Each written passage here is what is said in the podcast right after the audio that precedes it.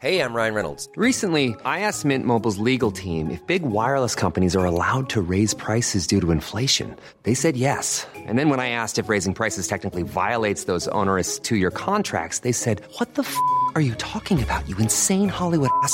So to recap, we're cutting the price of Mint Unlimited from $30 a month to just $15 a month. Give it a try at mintmobile.com slash switch. $45 upfront for three months plus taxes and fees. Promo rate for new customers for limited time. Unlimited more than 40 gigabytes per month. Slows. Full terms at mintmobile.com. Je suis venu vous parler d'Europe. Together, we can achieve incredible things. Europa skal stå stærkere i vores egen ret. Europa ist unsere Zukunft. Du lytter til Altingets EU-podcast med din vært, Thomas Lauritsen.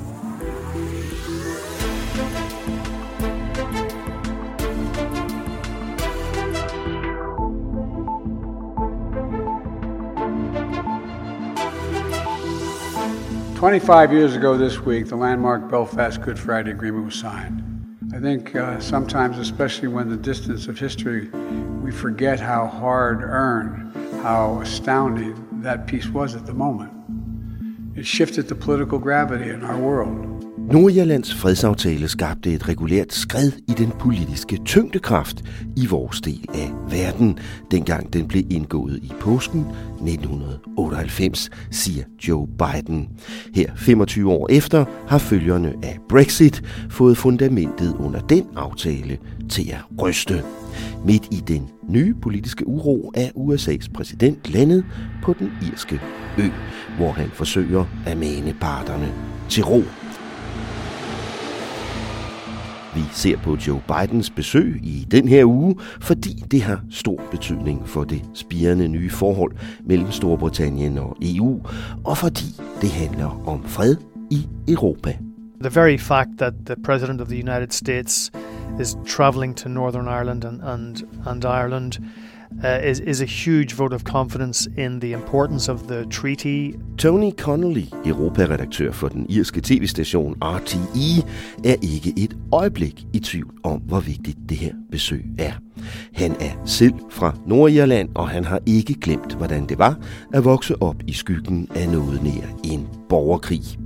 Du kan møde Connolly i dag og høre ham fortælle om, hvorfor langfredagsaftalen stadig er vigtig. The prevailing sense growing up was that it was just going to be like that forever. There, there was no indication of any light or breakthrough happening. So the fact that they did actually get an agreement in 1998 was a huge achievement. Velkommen til denne udgave af Altingets europæiske podcast. Mit navn er Thomas Lauritsen, og med mig her i studiet i Bruxelles har jeg Altingets EU-redaktør Rikke Albrechtsen.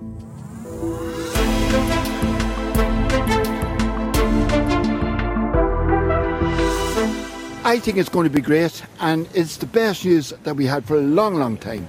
Just to see him walking past, it's it's an experience in itself. We're coming in, we're planning to get our flags and be here and uh, cheer President Biden. He's very welcome to Ireland. Ja, borgerne her på gaden i den lille by Dundalk er rigtig glade for, at USA's præsident kommer og besøger dem.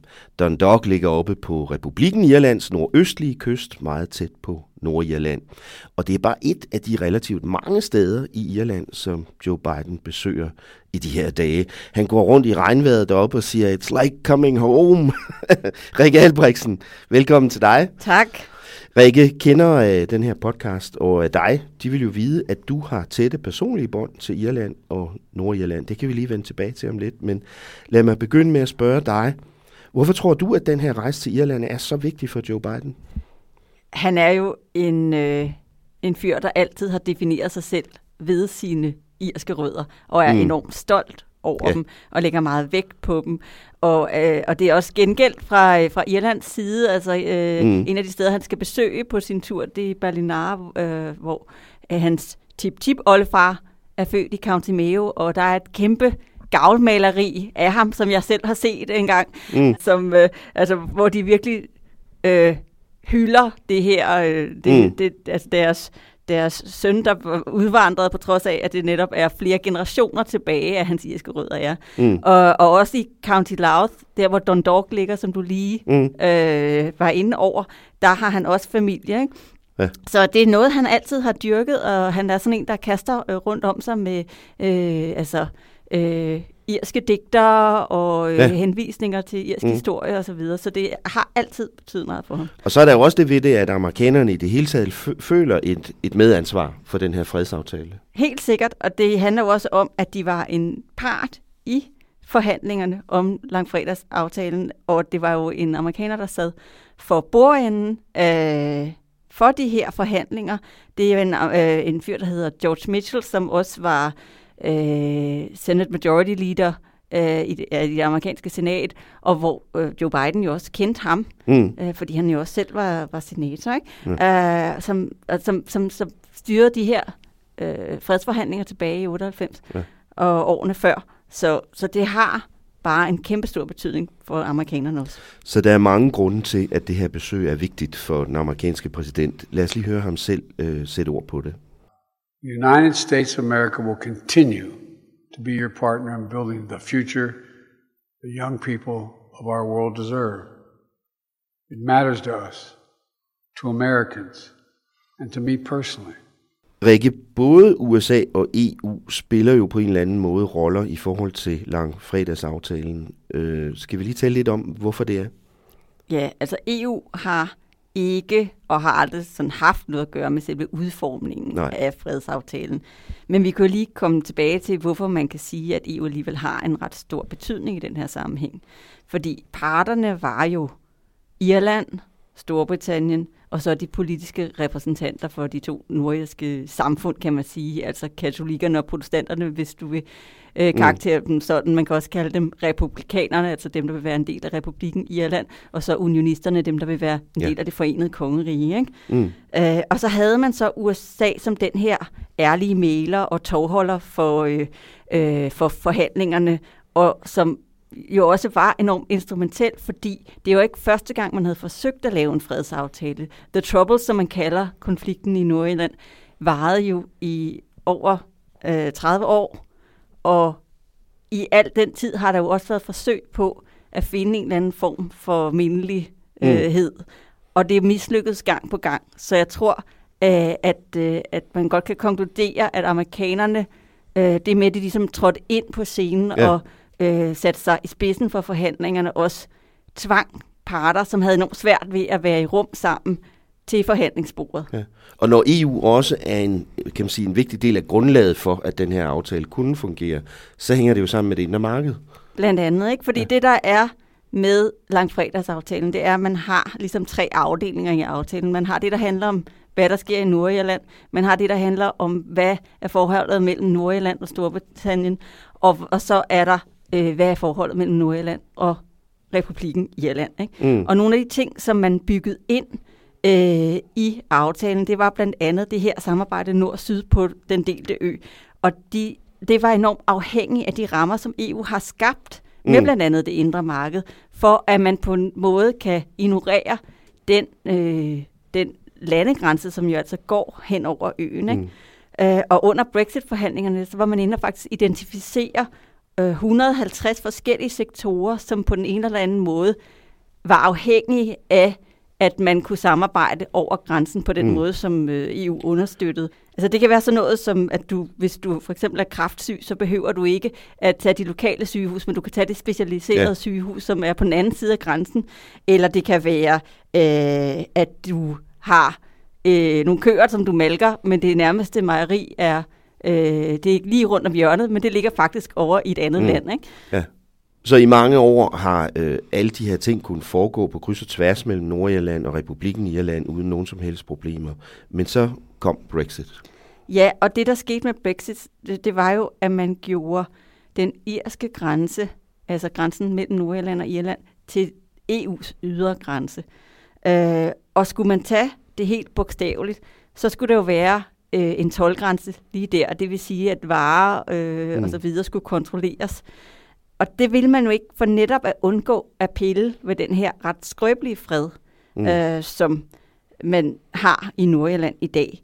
Og skulle man undgå det, så var der jo øh, nogle valg, man skulle træffe, hvor det ene var, at man enten kunne lade hele Storbritannien, øh, eller det forenede kongerige, øh, blive inden for EU's tolvregler og indre markedsregler, eller man kunne lægge grænsen i det irske hav, altså mellem mm. øh, øen Irland og, og Storbritannien.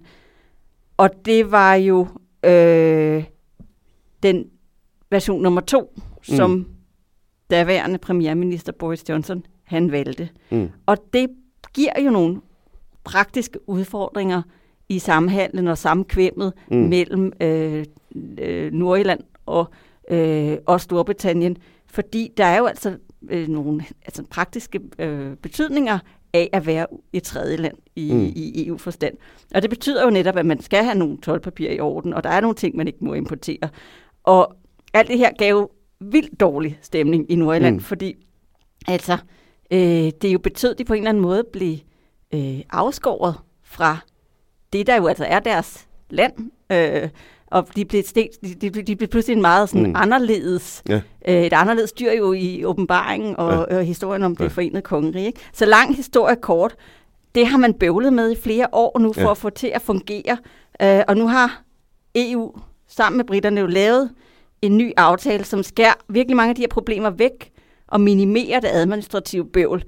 Men øh, det har ikke været nok for øh, de, øh, de nordirske unionister, som man kalder dem, altså dem, der bekender sig til London, mm. øh, fordi at de stadig mener, at der simpelthen ikke skal være nogen forskel på at være en, øh, en borger i det forenede kongerige i Nordjylland, mm. og så mm. være det øh, over ja. øh, på hovedøen. Ikke? Ja. Um, og derfor så har de også i princippet taget det nordiske parlament gissel, fordi de simpelthen nægter mm. at, øh, at sætte sig ind øh, i den i, i den altså lokale, regionale øh, forsamling, før at der er øh, lavet om på det her. Ja. Hele den her øh, komplicerede og blokerede situation øh, omkring det nordiske parlament, den vender vi tilbage til om lidt, Rikke. Øh, man kunne godt få på fornemmelsen, at der havde været et håb om, at der ville være styr på alt det her nu, sådan at det her amerikanske præsidentbesøg måske skulle have været sådan en triumf, hvor Joe Biden kunne holde en stor tale til Nordjyllands samlede parlament på Stormont-slottet i Belfast. Men der er altså, som du siger, stadigvæk masser af problemer. Først synes jeg lige, vi skal høre et klip mere med, med Joe Biden, hvor han forklarer, hvordan freden i Nordjylland også er noget, der efterhånden er blevet en sjældenhed i USA, nemlig en sag, der kan samle kongressen. Those of you who've been to America know that there is a uh, there is a large population that is invested in what happens here, that cares a great deal about what happens here. Supporting the people of Northern Ireland, protecting the peace, preserving the Belfast Good Friday Agreement is a priority for Democrats and Republicans alike in the United States, and that is unusual today because we've been very divided on our parties.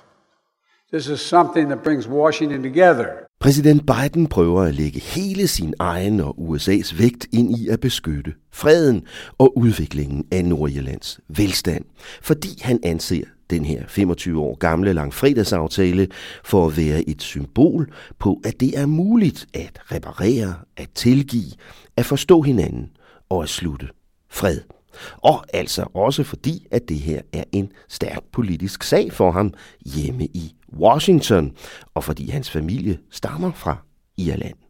Derfor er Joe Bidens statsbesøg også usædvanligt langt i den her uge. Air Force One landede i Belfast allerede tirsdag aften, hvor det i øvrigt stormede en halv pelikan, og onsdag morgen holdt han møde med den britiske premierminister Rishi Sunak inden talen på Ulster Universitet.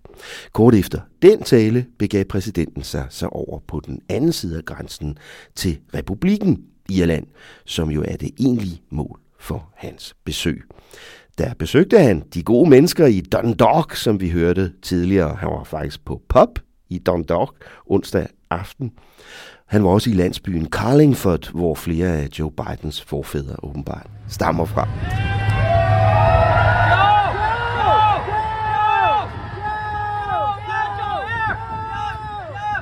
Her torsdag, hvor vi optager, skulle Biden gerne være i gang med at holde møder med Irlands præsident og premierminister i Dublin, hvor han også skal holde tale til Irlands parlament. Det er første gang siden Bill Clinton gjorde det i 1995. Bagefter er der statsmiddag på Dublin Castle, og fredag er det så County Mayo helt ude i det vestlige Irland, som præsidenten besøger, inden Air Force One vender næsen hjemad igen fredag aften. Rikke Albrechtsen, inden vi to taler videre om de aktuelle politiske problemer i Nordjylland og deres betydning for Europa, så synes jeg lige, vi skal høre fra en, der virkelig kender det her rigtig godt personligt og historisk. Og sådan en kender du jo. Ja, det kan man godt sige. Man kan også gå så langt og sige, at øh, jeg bor sammen med sådan en. Så langt er du gået. Din mand, han hedder Tony Connolly. Han er europaredaktør for Irsk TV, RTI, her i Bruxelles. Tony er en kendt og meget respekteret journalist hjemme i Irland, og så er han også nordirer. Han stammer fra Derry. Så han er selv vokset op midt under den her borgerkrig, som det jo faktisk var i mange år i Nordirland, indtil fredsaftalen kom i 1998. Derfor tog jeg lige en snak med Tony Connolly om, hvorfor den aftale var så vigtig. It was important because it seemed to reconcile the unreconcilable. Uh, the troubles lasted 30 years, and when I was growing up in, in Derry in Northern Ireland, I, uh, as a young boy, I was I was there when some horrendous uh, acts of violence on both sides uh, took place, and, and the prevailing sense growing up was that it was just going to be like that forever. There there was no indication of any light or breakthrough happening because the the IRA, the terrorist organization, was trying to uh, fight for a united Ireland. Uh, loyalist paramilitaries were fighting to uh, maintain the link, and there was a lot of sectarian, anti-Catholic, anti-Protestant violence as well. And the British government, for an awfully long time, saw the problem simply as a security problem that, that had to be managed through policing, through the army, through uh, security measures. Uh, and th- there was very little political thinking as to how a solution might be found. So the fact that they did actually get an agreement in 1998 was a huge achievement. And then, actually, when you grew up uh, and you became a reporter, you were actually also there the day 25 years ago uh, when they made the agreement. How do you remember that? Well, my, my first memory is was my first week in RTE. That's the Irish national broadcaster. Was uh, August 1994, and that was the week that the IRA called their first uh, ceasefire, which was a huge moment. Mm. And then I was I was um, I, I because I'm from Northern Ireland, I was sent up from Dublin quite a lot to report or to help out with the Northern uh, office, and so I was there during the final weeks of the Good Friday Agreement negotiations. Now I was I was a something of a rookie reporter at that time, and I was picking up scraps here and there. But I do remember going to one appearance by Tony Blair, the British Prime Minister, one of the key architects of the Good Friday Agreement. He was visiting uh, Hillsborough Castle outside Belfast. I think he was meeting uh, the Taoiseach Bertie Ahern there at that point. And when he came out, he he met the press and he talked about how important it was to get an agreement between the parties and the two governments. And he said, he uttered the immortal words, I really do feel the hand of history is on my shoulder uh, at the moment. And, and that became uh, kind of a, a, an aphorism of, of the whole peace process and the Good Friday Agreement. The hand of history was beckoning. It was on Tony Blair's shoulder, and uh, he, you know, he was a master of the soundbite, of course. And I think it was Hmm. Alistair Campbell, his uh, Yeah. his um, his press guy, who invented that particular phrase. But I remember that very clearly, and people were somewhat taken by that phrase. And I think nobody would contest that it was uh, a historic deal. Why is it still important today, 25 years later?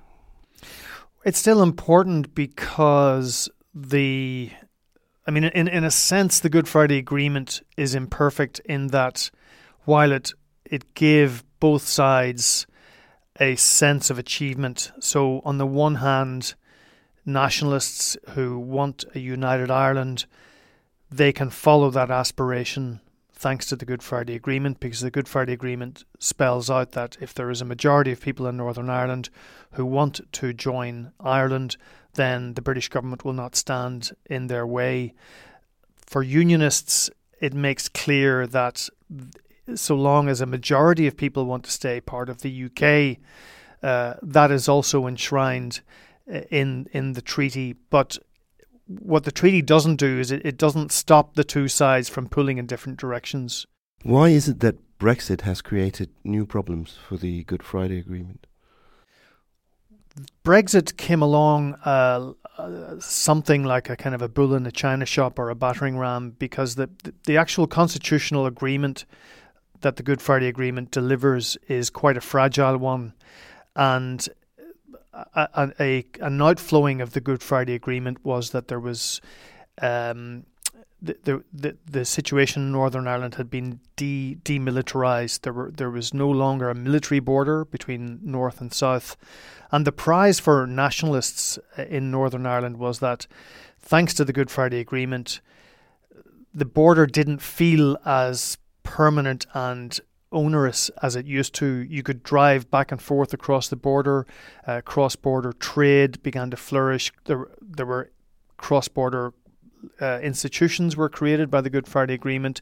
So there was a sense that uh, that Ireland, North and South, were coming becoming closer. That that partition, the partition of the island, didn't feel quite so heavy. But suddenly Brexit comes along, and therefore, and then you have the prospect of a regulatory border on the island of Ireland, a customs border. You you, you would then see infrastructure, customs posts being built. The border runs 500 kilometres. There are 200 crossing points. That's mm. a lot of infrastructure. To all intents and purposes, the border that had disappeared was going to come back yeah. because of Brexit you might not immediately have, uh, you know, you know, security checkpoints and controls, but if the moment you put uh, physical infrastructure there, they could become a target uh, f- for uh, people or, or dissident uh, paramilitaries, and then you have to ha- then you have a, this sort of spiral of of security attack response attack response. Mm. Um, so so Brexit um, caused that problem. It also sort of in, entrenched the sectarian divide because by and large unionists supported Brexit, nationalists opposed it, uh, and that again polarized an already fragile political situation in Northern Ireland. Mm-hmm. Now, because of the 25 years, uh, the American President Joe Biden is visiting uh, Ireland and Northern Ireland. Uh, is that important? I guess it is. And why is it important for people in Northern Ireland and in Ireland? I mean, it's very important from a point of view of morale, and you know the very fact that the president of the United States is traveling to Northern Ireland and and and Ireland. Uh, is is a huge vote of confidence in the importance of the treaty. Uh, the American presence uh, in negotiating the treaty was very, very important. Bill Clinton played a big role. He had appointed George Mitchell as a special U.S. envoy to Northern Ireland to essentially chair the the negotiations. Um, so, so it's a reminder that America still is supportive of the peace process in Ireland, and and Joe Biden himself is the most overtly Irish American president since John F. Kennedy. Uh, he has uh, relatives in County Louth, which is just right on one side of the border in the south. He has relatives in County Mayo in the west of Ireland. So it's a hugely emotional trip for him as president, uh, but it's also a very important message for uh, the Irish government, to, you know, to, to to have his continued support. We need investment in Northern Ireland to show that we you know you can have the best of both worlds in Northern Ireland. Northern Ireland, under this Northern Ireland Protocol as part of the Brexit agreement, is still in the EU single market for goods. So if you have a company that wants to access the EU single market, they can put their company, their factory in Northern Ireland, and it has seamless access to the EU single market, whereas it doesn't if it's in Great Britain. Mm. Uh, and the message to Joe Biden will be get companies in, get investment in, get jobs in, then people will start to think, ah, okay, now after four or five years of Brexit negotiations and political instability, here are tangible benefits uh, that show this is actually working for people. Mange tak til Tony Connolly, europaredaktør og mangeårig Bruxelles-korrespondent for Irlands statslige tv-kanal RTI. Og så altså også lige gift med Rikke Albrechtsen. Ja. Rikke, her til sidst hører vi Tony tale om, hvor vigtigt det er, at USA laver investeringer i Nordirland, sådan så folk kan se de håndgribelige fordele ved den nye aftale, som EU har lavet her i slutningen af februar med den britiske premierminister Rishi Sunak. Hvad er det for eksempel for nogle fordele, den aftale giver nordigerne? Det er jo altså det eneste sted, hvor øh, man som virksomhed, virksomhed frit vil kunne operere både i EU's indre marked og på det britiske indre marked. Mm. Øh, så det vil faktisk give en ret stor fordel for for eksempel øh, amerikanske virksomheder, som ja. dem, som, som Joe Biden han, han taler om, men også fra andre steder, til at placere sig strategisk godt i Europa og nyde øh, det bedste af begge verdener, som de, øh, som de ligesom bruger til at sælge den her mm. øh, aftale øh, øh, med. Ikke? Og det, øh, og det er, vil være rigtig godt for en region, som faktisk altså, jo er plaget af, at den er fattig, den er dybt afhængig af store bloktilskud fra, fra London, øh, der er stor arbejdsløshed osv., og det bliver jo ikke hjulpet. Det har hverken været hjulpet af, at Brexit har skabt en enorm usikkerhed omkring, hvad der overhovedet mm. foregår. Det er heller ikke hjulpet, at der altså den sekteriske vold, altså øh, øh, terrorangreb, bombetrusler, mor og så videre, øh, slet ikke er øh, er holdt op, og, ja. og som følge af al den her usikkerhed omkring øh, Nordjyllands stilling jo kun bliver tilspidset, at det, det gør jo, at det, det er ikke særlig attraktivt for, ja. øh, for udenlandske virksomheder. Og så det, at man har en blokeret politisk situation, hvor øh, det, det, den øh, regionale forsamling, politiske forsamling ikke fungerer, mm. det gør jo, at man jo øh, er, altså ikke skaber den der tillid til, at de har styr på sagerne, at de kommer til at, ja. øh, at, øh, at have et, et sted, der, hvor, hvor, øh, øh, hvor tingene fungerer, hvor der kan blive truffet beslutninger, hvor øh, der bliver lavet den infrastruktur, der skal laves, og de investeringer, der mm. skal laves osv. osv. Øh, og det er jo en kæmpe hemsko for at, øh, at udløse det potentiale, som, øh, som man ellers håber på ja. at kunne, kunne få frem Ja, så man kan sige, at den nye politiske uro, der er nu, øh, på en eller anden måde, risikerer at forhindre nordierne i at høste frugterne af den her aftale. Ikke?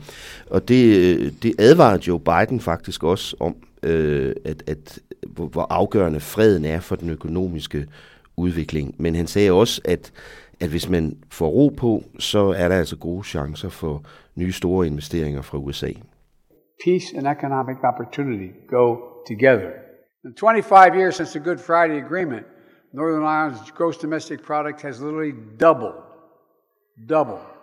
And I predict to you, if things continue to move in the right direction, it'll more than triple. There are scores of major American corporations wanting to come here, wanting to invest. Rikke, skal vi lige minde om, hvad hovedtrækkene er i den her nye såkaldte Windsor-aftale mellem EU og Storbritannien? Det er jo en aftale, der blev indgået her i, i februar måned, som opdaterer det, man kalder for Nordjyllandsprotokollen.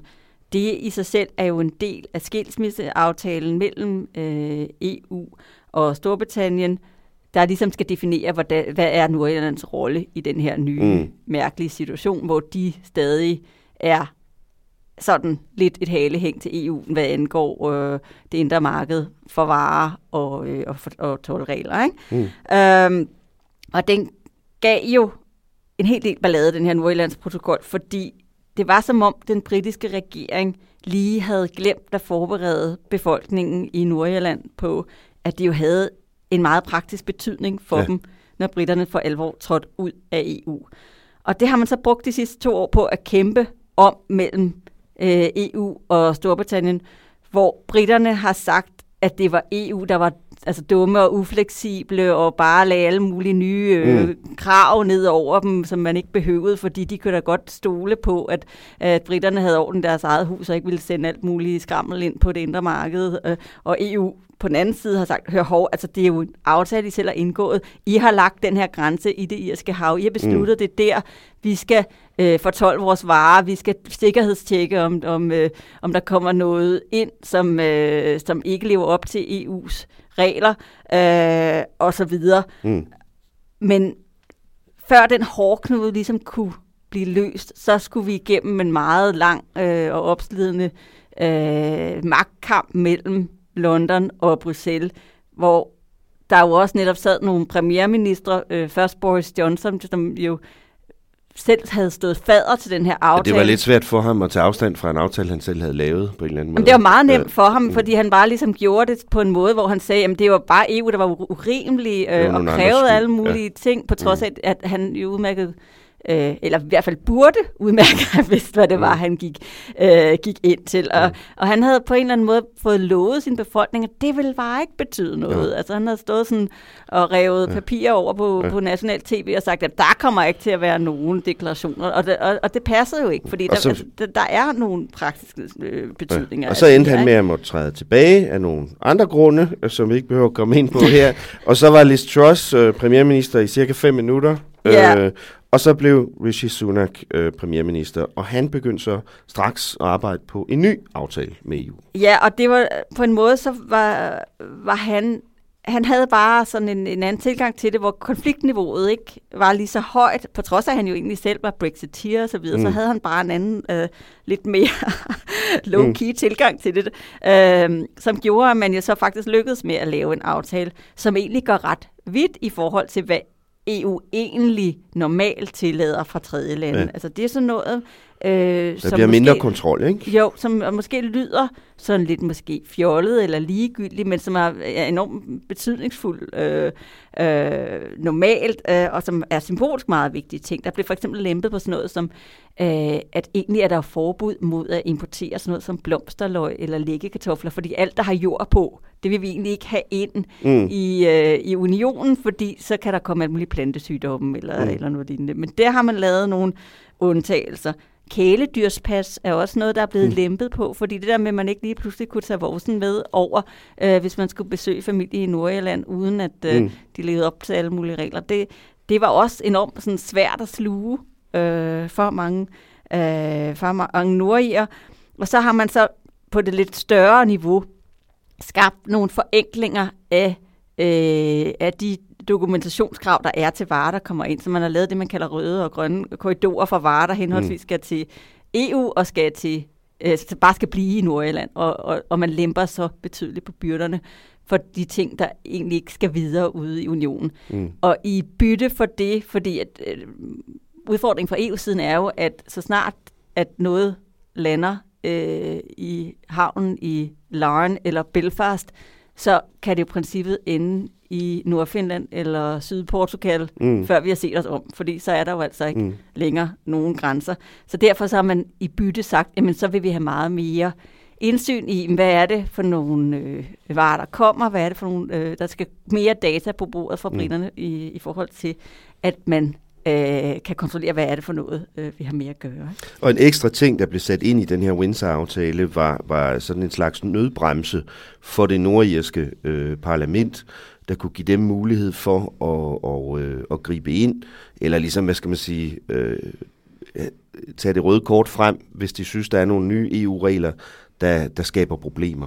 Ja, og det er jo noget særligt, for det er jo ikke noget, som for eksempel nationale parlamenter i EU har. Man har nogle procedurer, der ligner dem lidt, men barn for at få øh, gjort indsigelser er ekstremt højt i, for, for EU-lande, og det, øh, det kan slet ikke sammenlignes med det, som, som Nordjylland egentlig får nu. Og det er jo ret bemærkelsesværdigt for sådan et, et regionalt parlament i et land, der slet ikke er med i EU, mm. øh, at de på den måde får en hånd på, på håndbremsen i forhold til EU-regler. Øh, men til gengæld er tærsklen for, at de kan aktivere den her nødbremse, altså også enormt mm. øh, høj. Ja. Øh, det skal være sådan noget med det skal være nye regler, som har en betydelig indvirkning på hverdagslivet i Nordjylland. øh, og så kan de under meget specifikke omstændigheder mm. øh, gøre de her indsigelser, som, øh, ja. som så betyder, at EU og Storbritannien i fællesskab skal ske på, jamen hvad, altså, er det her reelt et stort problem, ja. og, og i nogle tilfælde vil det så være muligt for dem at blive undtaget ja. for, for nye EU-regler. Men det lyder jo egentlig alt andet lige som en ret god aftale for, for nordirerne, det her, altså, og måske en sejr for, øh, for nogle af hardlinerne øh, deroppe. Hvorfor er Stormont-parlamentet, altså det nordiske parlament, så stadigvæk blokeret nu? Jamen, det er der også rigtig, rigtig mange, der spørger sig selv om, men det handler helt grundlæggende om, at den ledende unionistiske stemme, altså dem, der øh, bekender sig øh, til London, at de er bare stadigvæk imod. De mener ikke, at det er godt nok. Og der bliver man nok nødt til at, øh, at altså, tage med i betragtning, at helt overordnet, så er de nok, nok bare piverede for at blive efterladt sammen med mm. det, der jo er ærkefjenden, altså irerne, øh, over på den der ø. Og det kan man på en måde godt forstå, fordi der er ikke særlig mange i Storbritannien, der interesserer sig for, hvad der foregår over i Nordjylland. Det kan godt være, at de nordiske øh, unionister er meget tilknyttet til London, men det er altså ikke rigtig så meget den anden vej rundt. Vi så det jo under Brexit-forhandlingerne, øh, ved at Boris Johnson for eksempel var fuldstændig villig til at, altså, at, mm. at sælge dem, og bare sige, jamen den er fin, vi lægger bare den her grænse øh, øh, i det irske hav, og så øh, kan I hygge jer over sammen med, med, med EU, ikke? DUP, de sidder simpelthen og siger nej til alting, og det gør de igen nu. Og det betyder jo blandt andet, at der ikke er nogen parlamentssamlinger overhovedet i Nordjylland. Det er jo en af langfredagsaftalens svagheder, øh, at det bygger på et princip om magtdeling mellem de to samfund i, i Nordjylland. Og det vil sige, at hvis den ene side vælger at trække stikket øh, på forsamlingen, så er der ikke nogen forsamling. Og det er jo det, som DUP har gjort. Og der skal vi også bare lige huske på, at der var, der var valg til forsamlingen op i Nordjylland i, i sidste år, og der vandt Sinn Féin, som altså er det nationalistiske parti, og jo den politiske arm af, eller afdeling af IRA i gamle dage. Ikke? Mm. Uh, de for første gang blev det største parti, og dermed vandt uh, retten til at blive første minister. Uh, og siden da har DUP så nægtet at selv pege på, uh, på en, en viceførsteminister, som man skal have i den der mm. konstellation med, med magtdeling.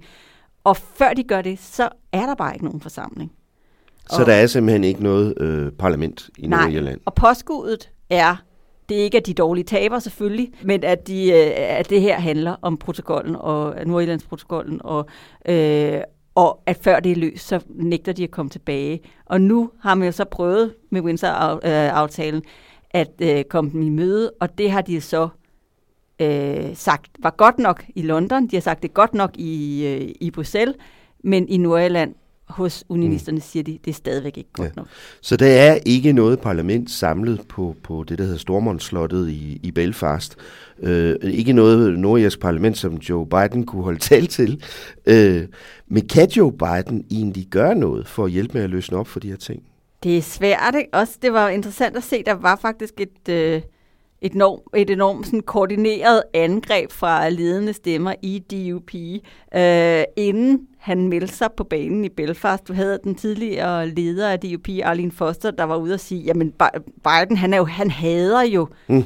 øh, Storbritannien, og, øh, og, og ham, altså, det er jo, han skal, har i hvert fald ikke nogen rolle som nogen form for mailer, øh, og andre der var ude og sige, at det her, det var øh, øh, en indblanding fra udlandet på en helt utilstedelig måde. Og du havde også øh, partiets nuværende leder, Jeffrey Donaldson, derude og sige, det ændrer altså ikke dynamikken i Nordjylland, at øh, han kommer der og, og blander sig. Så på den måde, så, så altså, er det, det ligger ikke rigtigt til DUP at, øh, mm. at give sig. De har sådan en helt traditionelt haft sådan den her rolle som dem, der bare sagde nej til alting. De var ikke med til langfredagsaftalen. De var under Brexit-forhandlingerne. Altså, der indtog de nogle standpunkter, hvor der var der var, der var ret vilde, sådan noget med, jamen, øh, hvem, det her handler om, hvem der blinker først, og vi har skåret vores øh, øjenlåg af, var en af de, okay. af de mest famøse øh, øh, udmeldinger, der blev, der blev rapporteret om. Ikke? Altså, så det, og det er, det, det er bare deres, deres stil, det er, mm. at de, øh, har meget, meget svært ved at sige ja til ting helt generelt. Så situationen er fuldstændig fastlåst igen. Hvorfor er det, at det her er så vigtigt for, øh, for EU og for os i Danmark også? Jamen det handler jo om, at forholdet til Storbritannien, vores altså, mm, kæmpe nabo og vigtig strategiske partner, øh, er afhængig af, at det kører i Nordjylland. Fordi hvis man ikke har en afklaret situation omkring det, der jo er EU's ydre grænse, så har man heller ikke et afklaret øh, forhold til, til, til Storbritannien, og så kan vi ikke ligesom komme videre i det, der skal være vores nye øh, post-Brexit-naboskab mm. med dem. Ikke? Øh, og man havde håbet så, at den her nye Windsor-aftale kunne løse det, men nu ser det så ud til, at det, det, det kan det heller ikke. Ja, og det, og det, der, det der på en eller anden måde skal ske, tror jeg, det er, at man på en eller anden måde, så skal man finde tilbage til noget af det, der jo var ånden i langfredagsaftalen, der handler om, at man øh, skal skabe en situation i Nordjylland, hvor begge samfundene øh, på, på, altså på begge sider af det her, den der sekteriske mm. deling, der er, kan se sig selv i det, og kan, men man også kan acceptere, at vi er i en ny situation efter Brexit. Så både at på, hvad kan man sige, den nationalistiske side, der skal man lade være med at øh, tro, at det her leder til et forenet øh, Irland i morgen, og at, øh, at, altså, at øh, Brexit på en eller anden måde presser på i den retning. Øh, og om ikke andet, så hvis man har de holdninger, så skal man måske gå lidt mere stille øh, med dørene omkring den, mm. og så omvendt, øh, så skal man fra unionistisk side også, øh, også anerkende, at hvis man skal bevare øh, freden derover, at så bliver man også nødt til der at, at anerkende, at, øh, at så bliver man nødt til at acceptere, at man er under et andet regime øh, på en eller anden måde, at man er mm. en del af det her EU-indre marked, og at man er en lille smule anderledes end resten ja. af britterne. Øh, og før man når derhen, så er det svært at se, hvordan det ligesom skal lande. Og der er vi ikke nu, øh, og det er det, som Joe Bidens besøg også viser, at Nordjylland ikke er løst endnu, og Brexit øh, ikke er løst endnu. Øh, og det betyder, at EU's og Danmarks forhold til Storbritannien på en eller anden måde er holdt gissel af nogle vrede unionister i, øh, i Nordirland. Tak til dig, Rikke. Vi ses i næste uge. Det gør vi. Tak fordi du lyttede med på Altingets Europa-podcast i den her uge. Mit navn er Thomas Lauritsen. Jeg havde EU-redaktør Rikke Albrechtsen med i studiet, og det var Clara Vestergaard Lausen, der redigerede. Tak for i dag. Lyt med igen næste uge, lige her, hvor Altinget taler om Europa.